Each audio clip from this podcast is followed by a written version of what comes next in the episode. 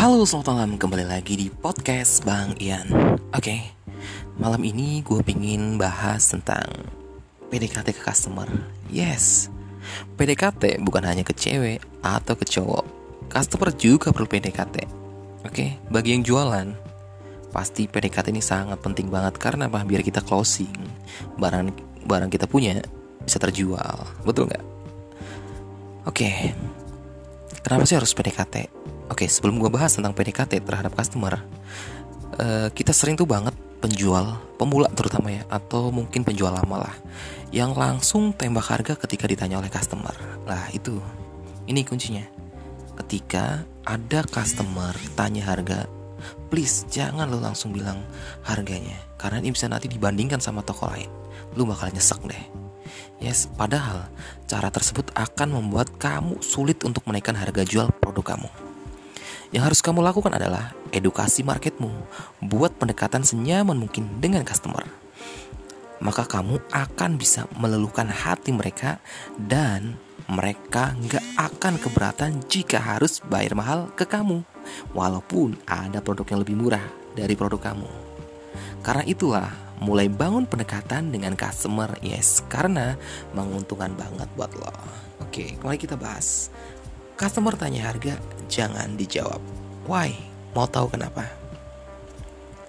Customer tanya harga, kok nggak dijawab? Yes, gimana mau beli? Wah, tenang. Ups, sebentar dulu.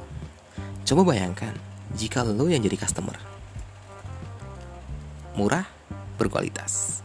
Antara harga murah dan berkualitas, mana yang lebih penting? Tentunya kualitas dong. Karena percuma banget kalau harga murah tapi kualitas bobrok. Zik, betul. Dan setuju banget. Percaya deh, banyak kok market yang rela bayar mahal asalkan kualitasnya bagus.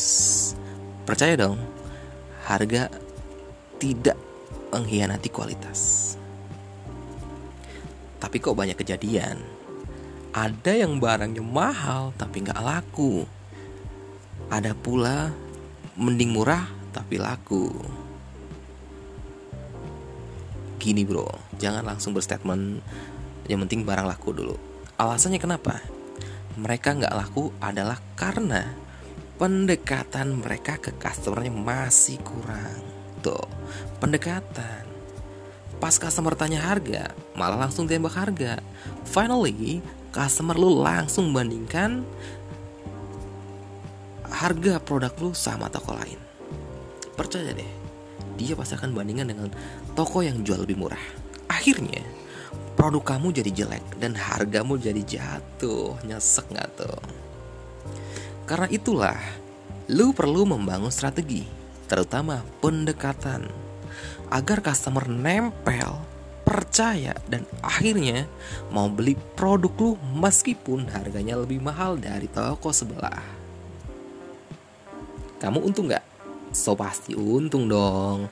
Karena itulah, mulai sekarang belajar cara PDKT sama customer. Utamakan kualitas dibanding harga, karena kualitas itu utama.